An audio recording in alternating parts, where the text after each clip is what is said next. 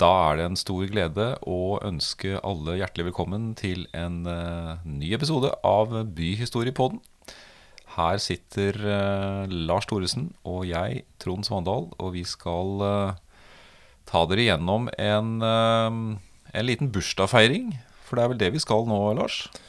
Ja, jammen. I dag er det, når denne episoden slippes, er det 12. september, og det er jo da fødselsdagen til Fredrikstad. Og det må vi feire.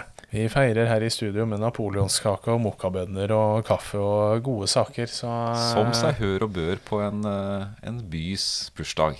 Ja, det begynner å bli noen år siden Fredrikstad ble grunnlagt. eh, Og 12. september, hvorfor er det akkurat den dagen vi markerer, Trond? Ja, det er, eh, det er et eh, godt spørsmål. Og vi skal jo tilbake til eh, byens eh, tilblivelse, altså da i 1567. Og 12. september er den dagen hvor eh, etter det dokumentet som vi gjerne kaller for byfundasjonsbrevet her i Fredrikstads historie, eh, det dokumentet som ble utferdiga ved eh, kanselliet i København, som Fredrik 2. da hadde godkjent, som grunnlegger byen. Eller som sikkert noen husker, hvis dere fikk med dere en tidligere episode av Byhistoriepodden, at det egentlig var flyttingen av Sarpsborg. Og dette skjedde da 12. september. Men det er for så vidt en dato som det har vært litt, eh, litt, litt uenighet om. For vi var ikke alltid sikre på at det var 12. september som var grunnleggelsesdagen.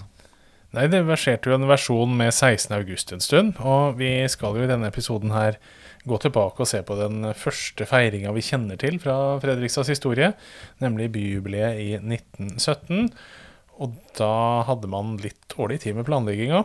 Og da var det veldig bekvemt, når man da kom ut, i, ut på sommeren 1917, at eh, en kar ved navn Plyneke, Carl Plyneke, som var den kanskje første byhistorikeren i Fredrikstad, han hadde vært og rota litt i arkivene og funnet ut at 16. august var eh, den dagen man lenge trodde det skulle være byjubileum.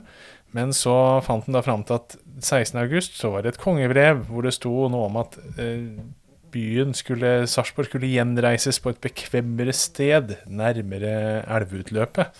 Det var det som sto i det kongebrevet av 16. august. Men så fant han da fram til byfundasjonsbrevet 12. september. Og da Som kunne man flytte jubileet. er- Som jo er det dokumentet som formelt sett, eh, kan vi si, eh, grunnlegger byen. da, Som gir tillatelsen til å faktisk flytte.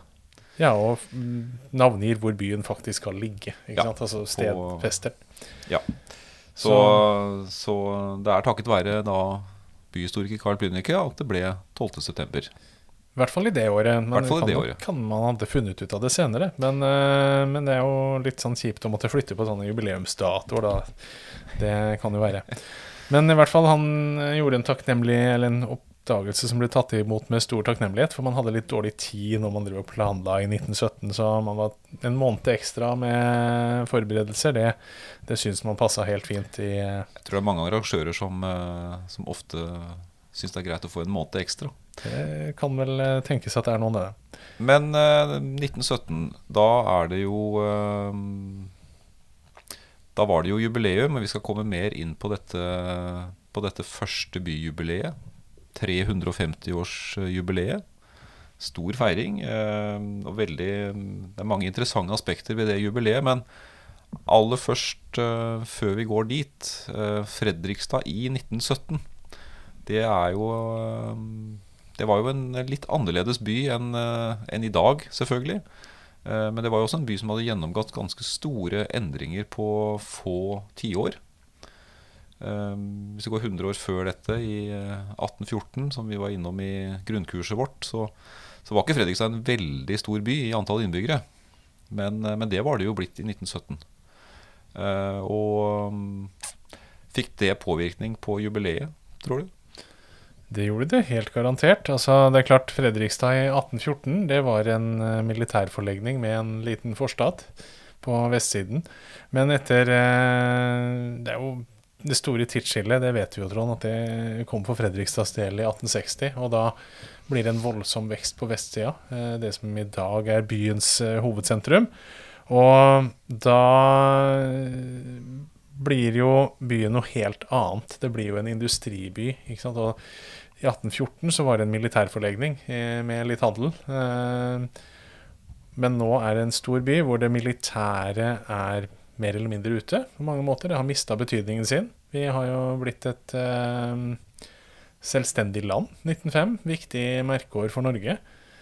Og det er veldig mye fokus på det nasjonale, men vi har ikke lenger en sånn voldsom opprustningstrang i forhold til Sverige. Det forholdet er avklart. Vi har behov for å bygge oss opp sjøl. Eh, nå er det da Fredrikstad, det moderne Fredrikstad, industribyen Fredrikstad, som skal feire bedriftene sine, særlig de siste 50 åra, som eh, skal feire da. Så det er noe helt annet enn den eh, militære militært prega småbyen det var i 1814, og egentlig til langt ut på 1800-tallet også. Så dette her er en ny by med nye sosiale grupper og gryende konflikter mellom disse gruppene, som mm. også setter et visst preg på jubileet i Fredrikstad. Så det her er en helt annen tid, når vi gjør den tidsreisa tilbake sånn drøyt 100 år nå. Også en befolkningsvekst som hadde vært helt formidabel. Eh, nå var jo befolkningsveksten i Norge hadde vært stor på 1800-tallet, men, eh, men, Fredrikstad var jo tidvis en av de byene som vokste aller raskest. Så fra en noen 2000-3000 innbyggere på begynnelsen av 1800-tallet til eh, ja, vi er rundt 30 000 sånn rundt første verdenskrig. Så, så det er jo eh, store endringer. og I 1917 så er det jo også ja, Norge ble ikke militært sett dratt med i i første verdenskrig, men det var jo også en, en, et bakteppe av krig og rasjonering og ganske stor uh, nød mange steder også i Norge. Som, uh, som sikkert også kan ha påvirka jubileumsforberedelsene og, og, og, i hvert fall et bakteppe til jubileet. Da. Så det var jo et dramatisk år også. Dramatisk tid, og man streva jo med å få en del av hovedpunktene i jubileet litt i mål. altså Eh, mange kjenner jo da, et av elementene da, som var med i jubileet her, altså avduking av eh, statue av Fredrik 2. på torvet i gamlebyen. Eh, man hadde jo ikke helt fått nok eh, metall til å fullføre statua. Altså, det, var metallmangel, det var mangel på mange viktige varer i, i Norge. Vanskelig å få alle land til å eksportere ting til et land som ikke var med i krigen sjøl. Mange, mange, land trengte jo sine egne ressurser og hadde ikke mulighet til å drive og eksportere det til andre. Så det var et stadig kamp i Fredrikstad i den perioden her for å få nok brensel og brennstoff til industrien f.eks. Og det, det prega jo hverdagen. Men likevel så valgte man jo da å, å feire et jubileum, det, så det må jo ha vært litt viktig for dem også. Mm. Men altså 1917 12.9. så er det stor, stor, feiring av byen, av byens grunnlegger. Og skal snart komme inn på litt mer detaljene hva som skjedde under feiringa. Men eh, da var jo byen 350 år. Eh, det hadde vært mange gode anledninger til å feire byen eh, i løpet av 350 år også. Men det, det har vi ikke noe belegg for at ble gjort Nei, det har vi jo ikke. Vi har lett med, jeg har sjøl lett med lys og lykte etter eh, spor av tidligere feiringer. Men det finner vi i liten grad. Eh, ikke funnet noen rester av det. Kan hende noen har markert det en eller annen gang, men det er i hvert fall ikke bevart i noen arkiver som vi kjenner til. Nå skal det sies at sånne feiringer generelt, altså både på nasjonalt nivå og på lokalt nivå, det var faktisk noe ganske nytt fortsatt da tidlig på 1900-tallet. Eh, man kom i gang med en del forskjellige feiringer på slutten av, av 1800-tallet. Eh, Kjenner til at Sarpsborg bl.a. feira et eh, ørlite 50-årsjubileum i 1889. Og det var noen andre byer også som feira jubileer på slutten av 1800-tallet. så det var så vidt kommet i gang, denne tradisjonen med jubileer. Altså det, var, det var fortsatt litt i støpeskjea, og det var mange som gjorde dette for mer eller mindre første gang på den tida her, da. Eh, så hvorfor ikke har kommet i gang før? Det er mange forklaringer på det, altså. Eh, så det var jo en feiring noen år rett før også, eh, nemlig da grunnlovsjubileet. Ja, 1914 så er det jo Da er det jo store feiringer eh, over hele landet. Altså Det er vel kanskje den første virkelig store nasjonale feiring i Norge. Grunnlovens 100-årsjubileum. Viktig i den nye staten Norge. Vi må huske på at Norge her har blitt selvstendig fra, fra Sverige i 1905 og har et behov for å markere seg. Og Da kommer denne store grunnlovsfeiringa, og den feira man også i Fredrikstad. Og en av de tinga som ble gjort i en del byer, eh, i hvert fall her i vårt område, det var at man ga ut eh, historieverk om, eh, om byene. Altså det skjedde i Sarpsborg, det skjedde i Fredrikstad, det skjedde flere andre steder. At man ga ut sånn byhistoriske verk eh, for første gang. Og det var en August Western som fikk æren av å forfatte Fredrikstads versjon av det. Minst å huske at han ikke var helt fornøyd med tida han hadde hatt til rådighet til den jobben. Og man hadde nok et mye større og mer omfattende verk i Sarpsborg f.eks. Men, men det var en første sånn historieskriving, eh, som også er ganske typisk for tida. At man begynner å skrive historie. Arkeologi og historieforskning av moderne art, det er fortsatt ganske nytt eh, på den tida her. Så det er jo egentlig først nå man begynner å få litt større forutsetninger for faktisk å vite hva man egentlig feirer, og at man bør feire noe, på en måte. For historiebevisstheten i det nye Norge, og i og for seg også i Norge på slutten av 1800-tallet, begynner å vokse fram i mye større grad enn tidligere. Og det ser vi mange steder. Ja, og Du nevnte jo eller, denne Carl Plünnecke som, som fant fram til datoen. og eh, Han begynte jo å skrive artikler, eh, mange artikler og bøker eh, fra ja, sånn 1890-tallet og framover. Eh, og veldig mye av den historien vi jo kjenner til, og som vi, eh, som vi har lest, og som, som, eh, som Fredrikstad bys historie er basert på, kommer jo egentlig fra han, som sitter i byarkivet og leter og graver fram ting. Vi er jo veldig vant til at vi kan bare gå til et historieverk. Ganske bindsterke historieverk om Fredrikstads historie, men det fantes jo ikke mye skrevet historie for bare 100 år siden. Så, så det er jo også et viktig element at det er eh, historien til byen var på mange måter ny. Eh, selv om det var en, eh, en gammel by. En gammel by, og det er klart Fredrikstad museum kom vel på banen i 1903. Og det, dette er også veldig typisk at mange museer i Norge i dag de har en historie som strekker seg tilbake til omtrent den tida her, eh, mange steder i landet. Så det er en tid for museumsetablering, det er en tid for å skrive de første historieverka. Det, det, er, eh, det følger en trend i samfunnet generelt. Altså dette her, eh, Fredrikstad skiller seg ikke ut. Det er også veldig typisk at det er nå man kanskje har mulighet til å begynne å tenke litt på historien sin, sånn generelt. Fordi det har vært en periode i norgeshistorien hvor man har etablert mye industri. Man har eh, fått i gang mye virksomhet rundt omkring i landet. Og det er jo gjerne sånn at i en sånn hektisk etableringsfase hvor mange mennesker flytter inn til byene, eh, enorm befolkningsvekst har vi vært innom i Fredrikstad, så er det klart at du har ikke tid til å tenke så mye kanskje på historien til en by hvor du flytta inn for tre minutter siden. Altså, og vi ser jo da at når vi kommer fram til 1917, så er jo bl.a. Eh, den gjengen som starta industrieventyret i Fredrikstad eh, i 1860, med trelastnæring og satsinga på den. Den gjengen har jo holdt på her da brått i 50-60 år. Sant? Fra noen begynte allerede på 1850-tallet. Og, og nå er den gjengen blitt uh, etablert. Det er uh, ofte andre, tredje generasjons eh, sønner og døtre som driver businessen videre. Og som tross alt da er til og med født i Fredrikstad, som har et forhold til Fredrikstad.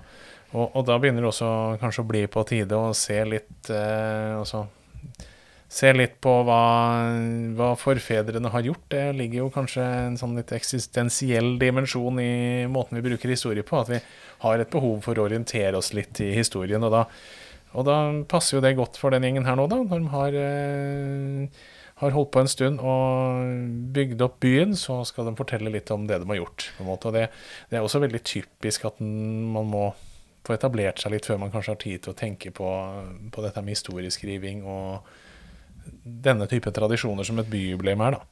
Ja, for det her var jo en samfunnsgruppe, ikke veldig stor, men med veldig stor innflytelse og veldig god økonomi, for så vidt. eh, De her eh, trelastgründerne. Men det var jo ikke mange av dem som hadde lange røtter i Fredrikstad. Så, så de kan vi kanskje si at de skaper seg litt en historie i Fredrikstad også? Det kan vi jo kanskje også si.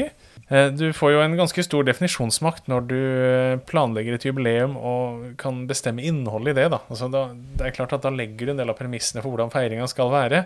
Og det er klart Da kan du jo bygge en bro, da, koble deg sjøl inn i historien, bygge din egen virksomhet inn i historien på en ganske, ganske god måte. Og, eh, og, og sette deg sjøl litt i førersetet, altså i, og få en sentral del av historiefortellinga i byen. Og Mm. mange vil jo ikke reagere på det heller, for det er klart eh, den byen de aller fleste i Fredrikstad kjenner, det er jo en by som er styrt av trelasthandlere, så det er klart det er en naturlig sak. Du vil nok slippe unna med det om du da glemmer å fortelle altfor mye om Fredrik 2. som grunna byen, så, så eh, kan du lett slippe unna med det når det er eh, det- trelastadelen, plankadelen, som eh, jo tross alt de fleste har et forhold til her. Ikke Fredrik 2. Han er en fjern skikkelse også for mange i dag, så man vet ikke så mye om han i 1917 heller. Så som definisjonsmakta gis kanskje da til eh, det ledende borgerskapet, og det tar de med begge hendene, den makten der, altså. Ja.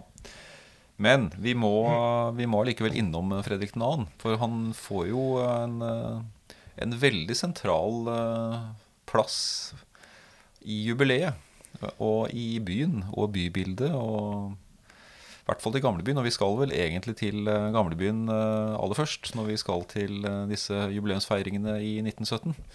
Det er jo der det starter. Altså, Og det er jo der byen starter også, på mange måter. er Byen starter der, og på torvet i byen, i den gamle byen, så legger, setter man da opp en statue av Fredrik Dahlen, byens grunnlegger. Og avduking av den statua, som da selv om den ikke er helt eh, 100% ferdig, så uh, ser den ferdig ut. Uh, man, man har fått en midlertidig finish på den. Uh, man streva jo også litt med å få monumentet i Sarpsborg ferdig året før, av litt samme grunner. Det er, altså det er jo det er bare litt transport av tunge monumenter og sånn som var en utfordring, så eh, dette med å få monumentet på plass, det er, eh, kan være vanskelig mange sammenhenger, det. Men altså, man får på plass dette monumentet og skal avduke det, og det er det første store arrangementet under jubileet her. Altså denne avdukinga, veldig høytidelig. Man har selvfølgelig da fått på plass en konge til, nemlig Håkon den syvende, som er eh, med her og eh, begudstiger arrangementet med sitt nærvær. Og mm. det samme er Gunnar Knutsen, eh, som er den store statsministeren i Norge på denne tida her. Og, så dette er et nasjonalt preg på jubileet, og man trekker da fram også det nasjonale perspektivet i og med at man knytter en linje tilbake til kongen som da grunda byen, eller flytta den, alt ettersom hvordan man definerer det. Så, så der Her er, det en, eh, her er det jo en dansk konge på sokkel, og en, eh, en dansk konge som overværer festlighetene. Ja, den linja til Danmark er ganske tydelig her eh, hele veien, ikke sant? Etter at man har vært i Selv om man har vært i en del år i union med Sverige rett før, så er det den danske linja er tilbake, og man feirer en dansk konge. Og fikk vel kanskje ikke det noe stor eh, innvirkning på selve jubileet i 1917, men, eh, men Nei. eh, forbindelsene til Danmark var jo sterke i, i Fredrikstad. Helt klart mange konger var innom, selv om Fredrik 2. sjøl aldri var i denne byen som han da ga navnet til. da. Det, Nei, det, det var han jo ikke. og Derfor så forsvinner jo han kanskje litt fort ut av feiringa, bortsett fra denne statua, for man vet jo ikke all verden om han i, i 1917. Han har ikke noe sånn veldig fyldig biografi på han. Han er ikke den mest navngjentende kongen. Han er eh, mer kjent som faren til Christian Kvart enn eh, kanskje i form av å være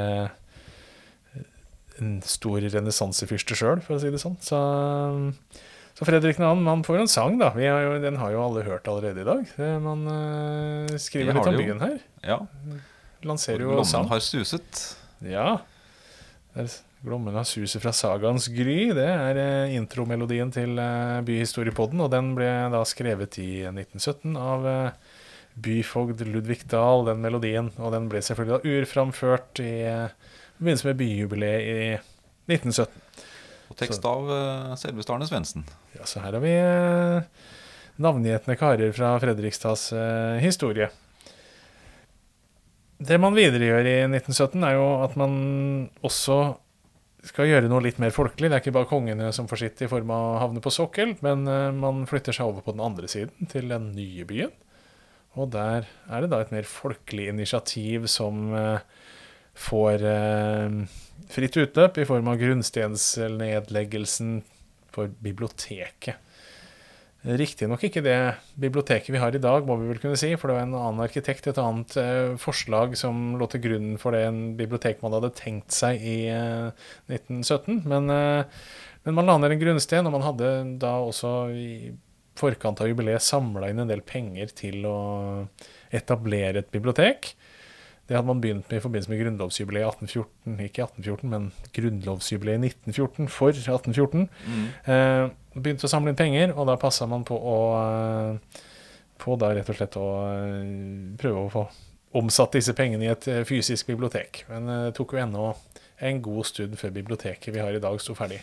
Ja, det skulle jo ta mange år. Men det er jo interessant da, at man Altså en, en hoveddel av jubileet er hvert fall det som en så for seg som starten på et folkebibliotek. Altså et, et bygg for hele byens befolkning. Eh, bibliotek var jo viktig eh, for folkeopplysning eh, på den tida her. Dannelse til massene er vel en sånn edel tanke hos overklassen eh, langt tilbake i tid, egentlig? er det ikke det? I hvert fall, eh, i hvert fall en god opplysningstanke. Ja da, det, det var jo det. Og det er jo Da kan vi kanskje også si at det var et element i eh, jubileet her i 1917. Ja, for du var jo inne på Du beskrev det da vi prata litt om før episoden her, Trond, så endte vi opp på at det er en veldig borgerlig feiring, dette her. Det er mange fra overklassen som er med her. Det er eh, veldig borgerlig preg. Altså at det er litt Jeg vet ikke om vi skal si at det er en ovenfra-ned-holdning. Det er ikke nødvendigvis hele veien, men det er, det er, det er ikke tvil om hvem som får hovedrollene her, og at det ikke nødvendigvis er arbeiderklassen som holder på å vokse seg sterk her. Nei, for de store folkelige festlighetene har vi ikke sett så mye av til nå i, eh, i feiringa. Selv om det var vel en del til stede under avdukning av statuen, og sikkert over biblioteket også, men uh, det var ikke de som var delaktige i uh, Nei, dette er et arrangement som foregår på, på dagtid, disse første arrangementene her. Og arbeiderne hadde vel fått et valg da om de skulle ta seg fri for å være med på, på denne feiringa. Det hadde vel arbeiderne de fleste steder i Fredrikstad sagt nei til. Eh, det er klart, det frista kanskje ikke så mye å være med å avdekke en statue og miste en dagslønn, for det var jo sånn at den kunne få fri. Det hadde den fått tilbud om, men den måtte jo da Den fikk ikke fri med lønn. Så når du da skulle velge mellom å få eh, mat på bordet og være med å feire sammen med kongen, så valgte nok veldig mange da å jobbe, og heller få med seg en fest på kvelden i stedet. Og det er jo også veldig typisk for den tida her. Er et veldig stort skille i samfunnet. Eh, Vi er jo I dag er vi vant til at eh, både høy og lav i samfunnet feirer 17. mai sammen. Men på den tida her så var 17. mai en borgerlig feiring. Det er for overklassen, mens arbeiderne, store festdag, det er primært 1. mai. Så det er en klar splittelse i samfunnet. Hvis man hadde gått tilbake til denne tida her og lest avisskriverien i forkant av dette jubileet, så hadde man også fått den splittelsen veldig tydelig fram. Altså. Fordi der er det ganske hissig tone fra eh, redaktøren i det som da var eh, arbeideravisa i distriktet her, nemlig Smålenenes Sosialdemokrat, som er en sånn fellesavis for flere byer i området, både for Halden og Sarpsborg og Fredrikstad. Eh, og der man, man, man var ikke veldig positiv til alt som hadde med dette jubileet å gjøre. Man kunne gå med på visse deler av feiringa, men særlig kongen var et problem, fordi eh, veldig mange av arbeiderbefolkningen eh, hadde jo stemt for republikk Mm. da man skulle bestemme styreform i Norge i 1905. Og man var, fortsatt ikke blitt veldig glad i kongen sin ennå. Det, det, den felles kjærligheten til kongen som, eh, og kongehuset den kom først senere. Det var nærmere krigen og etter krigen at man begynte å få At det var mer stuerent også for eh, arbeidere å være være kongetro og positive til kongedømmet. Hvis vi tar en liten avsporing fra, fra Fredrikstads jubileum i 1917 og går til eh, nabobyens jubileum året før, så var vel kongen også et eh, ganske hett tema. Eh, Kongen var et hett tema, ikke fordi han var i Sarpsborg, men fordi han ikke ble invitert til Sarpsborg. Og det er jo interessant, for Sarpsborg har jo vært en arbeiderpartistat eh, ganske lenge, eh, kan vi vel si. De hadde jo da fra 1913. 1913. Sosialistisk styre allerede fra 1913. Og der, eh, derfor valgte man da ikke invitere kongen. Det fikk man masse kritikk for. for og Det var til og med en revyvise på Chat Noir den høsten hvor man sang om byen Sarpsborg, hvor kongen ikke var invitert. Ja, det ble stor nasjonal oppstandelse når man ble klar over at kongen ikke var invitert til eh, byjubileet for eh, Olavs by i Sarpsborg. Og det er jo interessant. I Sarpsborg skulle man da sette sin egen grunnleggerkonge, nemlig Olav den hellige, på sokkel. Men man inviterte jo ikke da den nåværende kongen, som var demokratisk valgt. Den, han inviterte man ikke, men denne blodige kristningskongen fra middelalderen, han skulle man ha på sokkel. Men uh, det er noen pussigheter der. Og, og, man uh, hadde jo Det var jo gikk noen historier om at uh, noen i Sarpsborg hadde klart å erte på seg noen journalister i Oslo. Og det var noen journalister da sentralt som ja, fillerista disse serpingene litt i dagen før jubileet. Og det endte jo da med at statsminister eh, Knutsen da sa nei til å dra til Sarpsborg og avlyste besøket sitt, for han skulle være med.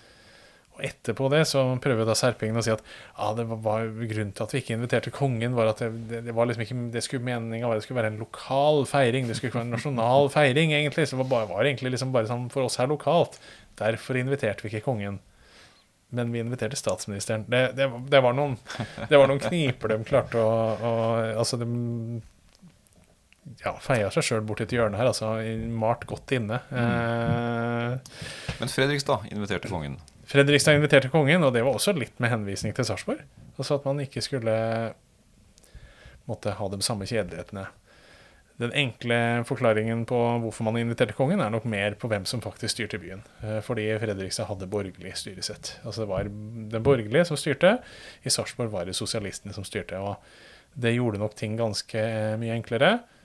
Og i Fredrikstad ble det ikke så mange kjedeligheter, men formannskapsmedlemmene vel fra Arbeiderpartiet uteble da fra den store samlinga på Føniks, hvor kongen også skulle være til stede. da, Så det var, det var ment å være et sånt eh, måltidsarrangement hvor kongen skulle være til stede. Og det var det eneste arrangementet som på en måte var knytta direkte til kongen. da, så Derfor så valgte man å avstå fra det som hadde med kongen i seg sjøl å gjøre. Men det andre de andre delene av jubileet kunne man være med på, for det var ikke knytta til kongemakta på samme måte.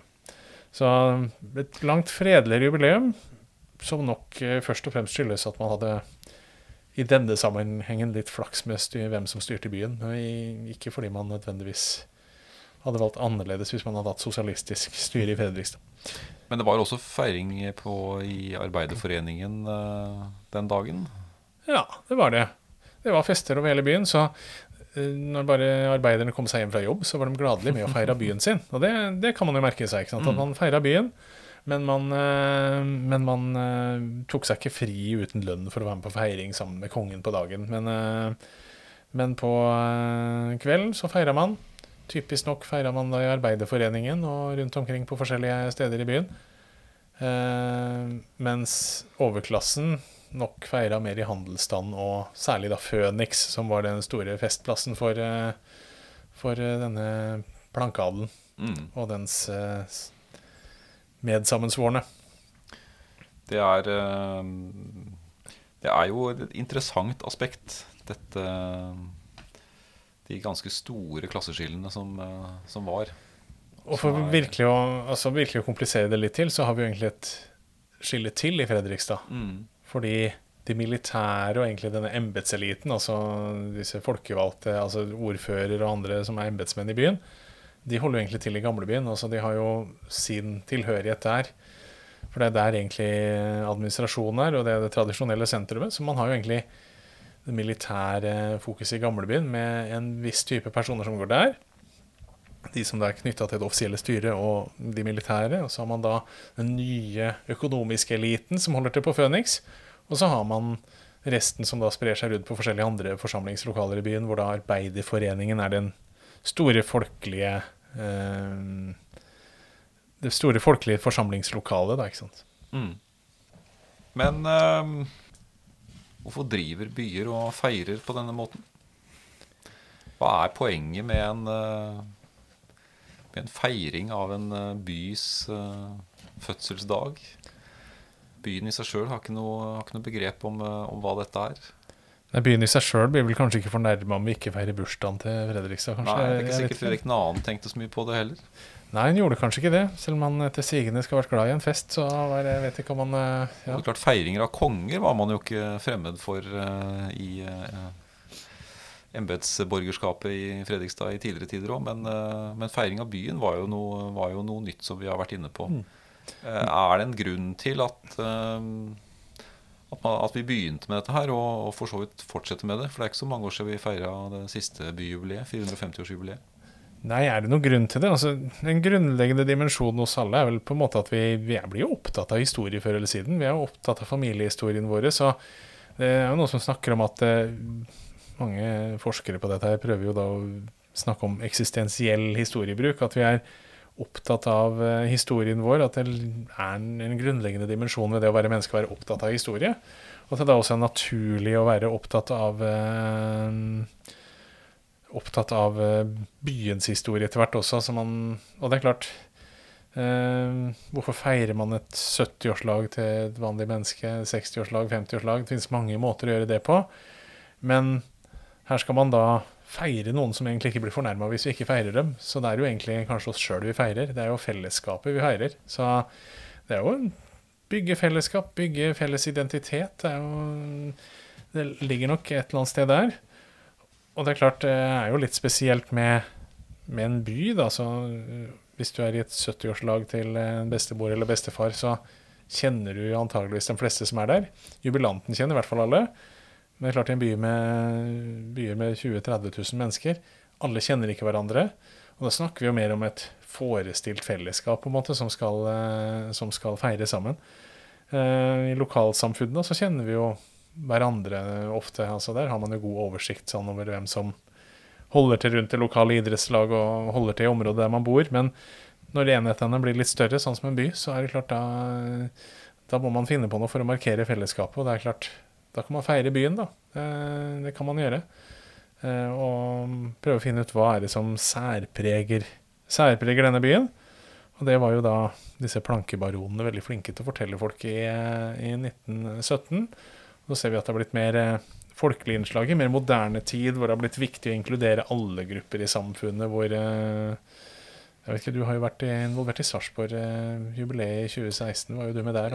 Jeg har jo det, og der var det jo et, eh, et viktig element i eh, både planlegging og gjennomføring av jubileet. Å involvere så mange som mulig, eh, helst alle. Eh, Og det, det ble jo også lagt opp til store feiringer hvor du kunne samle mange tusen eh, på Torvet f.eks. Uh, og store konserter hvor det var meningen at så mange som mulig skulle være med.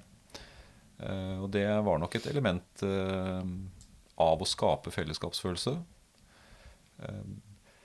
Én ting til byen, for byen var jo tema for, eh, for jubileet, selvfølgelig. Og, og da var det jo 1000 år.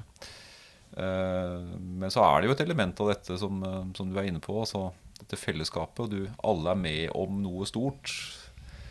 Eh, eller alle er med på noe som er skapt stort. Og, og den følelsen av å ha vært med på det samme arrangementet, vært med på det samme jubileet, vært med å feire byen, det, det bygger nok eh, identitet. Og det bygger nok eh, stolthet. Til Det noe som vi jo er en del av, men som er sånn Det er jo litt vanskelig å gripe, da. Det er vanskelig å gripe det. altså Hva er egentlig en by? Hva er vi bare egentlig feirer når vi feirer en by? Eh, Det blir ganske håndgripelig når du plutselig står sammen med kanskje 10 000-15 000 mennesker som hører til det samme fellesskapet som deg. Om det er en by, eller om det er å stå på Ullevål og feire cupseier for Fredrikstad. Altså, Jeg husker jo godt den siste cupfinalen til Fredrikstad, hvor du står igjen på et eh, Ullevål som er ribba for Sandefjord-supportere, og det er eh, 10 000-15 000 mennesker fra Fredrikstad som synger eh, sammen. Det, det gir jo en sånn Og hva er viktigst da? Er det fotballen, eller er det Fredrikstad? Ja, er fellesskapet? ikke sant? Altså, det fotballen, det, jo, det kan man jo diskutere. Det, bygger kanskje begge, det er kanskje begge deler er litt viktig, men det er noe med den følelsen du har av å stå sammen om noe sånt. Mm. Altså det, eh, det er noe spesielt. Eh, og den eh, Og det finner vi kanskje i alle fellesskap. Og så ser jo det bare på For å holde oss til fotballen. Men, Åtteåringen hjemme hos meg feirer at en av lagkompisene på fotballaget har skåra mål. Det er, det er, et lite fellesskap, og dem, det er klart det kommer de guttene der på det laget til å huske lenge. ikke sant? Fordi de har feira dette sammen og vært gjennom dette sammen. Og nettopp dette med fysisk deltakelse er jo noe faktisk en del forskere også har sett litt på. Altså det å delta i sånne riter. Kan man jo tenke, Nå er jo savnet etter det ganske stort nå i denne koronatida, men, men man vet jo hvordan det er 17. mai det er ganske mange tradisjoner familier har. Man vet sånn noenlunde hvor naboen står i nærheten av Kirkeparken, eller eh, hvor man nå pleier å stå. Noen står utafor det gamle sykehuset, andre står i, nærheten av gågata du, du, du, går nesten og ser etter de samme folka mm. som du vet pleier å stå i nærheten av deg. Det er, det er noen tradisjoner. Er, er, spent på hvilke skoler som har eh, gjort noe spesielt eh, ut av noen temaer. Du vet at det er enkelte skoler som har pleid å lage mye artige opptog. I, alle gleder seg litt til at de skal komme og presentere noe nytt i år. ikke sant? Altså, sånne ting man gjør sammen, altså den fysiske erfaringa, blir fremheva som noe veldig viktig da, når man skal snakke om sånne ritualer. Um, så det er egentlig litt snakk om å skape ideen om byen? Det var en god måte å si det på. At man skaper en idé om byen, at det er mange som har den felles. Det, det har vi jo, men det er jo et byjubileum, så ser vi jo disse andre menneskene nettopp fordi man er der for å feire byen sin. ikke sant? Mm. Jo, da, ellers så gjør vi jo mange ting sammen, men uh, eh, 17. mai så vi, markerer vi jo fellesskap i byen, men, uh, på en måte, men, men, selv om vi egentlig feirer Norge. Men uh, mm. her så ser man de samme trynene ute for å feire, feire, Fredrikstad. Og det er seg sjøl man egentlig feirer i enda større grad enn 17. mai. Da? Selv om nok går å argumentere for at 17. mai egentlig er en feiring av folk i stort og smått eh, der man er, det også, så det, det er det jo også. OK. 1917, Trond, det var eh, starten på eh, en jubileumstradisjon. Den har vi jo fortsatt med fram til i dag. Og Du nevnte jo dette her med mange mennesker som deltar på dette her. Nettopp hatt et byjubileum i Fredrikstad. Eh, byjubileum i Sarpsborg. Det er eh, Mange av de første tradisjonene rundt disse byjubileene ble jo etablert for rundt 100 år siden, da både Fredrikstad og Sarpsborg feira sine første virkelig store jubileer. Så byjubileer er jo noe vi absolutt eh, tar med oss videre. Og som vi sikkert kommer til å oppleve igjen det tror jeg vi kan være ganske sikre på. Kan man jo diskutere hva som utgjør et vellykka eller mindre vellykka jubileum. Jeg syns kanskje Sarpsborg var flinkere til disse store symbolarrangementene som virkelig samla mange, hvis man ser en verdi av det, og ser at det store fellesskapet hvor man virkelig får en følelse av at man er mange, at man lykkes godt med det i 2016 i Sarpsborg. Man hadde ikke så mange av den type arrangementer i Fredrikstad, så det eh, kan jo kanskje ved et savn for noen. Eh, og det er jo kanskje fort 20 år og vel så det til neste gang man får oppleve et byjubileum. Så man får jo ikke så mange av dem i, i, løpet av et liv i en by, da. Nei, men det blir nok et uh, eh, 475-årsjubileum uh, eh, også. Så vi, vi får satse på at vi får med oss det. Kan uh, glede oss til det. Ja, uh, hva skal vi si at byjubileer kan, kan, være, da? Er det slags historiske stoppesteder? Kanskje det. Det er jo liksom en sånn pusterom i historien hvor vi liksom stopper opp på en måte og skal vi se Vi trekker pusten litt samtidig og tenker gjennom hvor vi hva fellesskapet vårt utgjør her og nå. Det er kanskje eh, det som er den nærmeste beskrivelsen vi kan gi. Altså, det er jo en sånn god anledning til å tenke gjennom identiteten vår og definere hvem vi er. og og, og, dyrke det positive vi har sammen i en by. Da. Det er jo kanskje det viktigste med et byjubileum. Godt sagt. Skal vi si det sånn? Takk for nå. Takk for nå. Og fortsatt eh, gratulerer med dagen. Takk i like måte.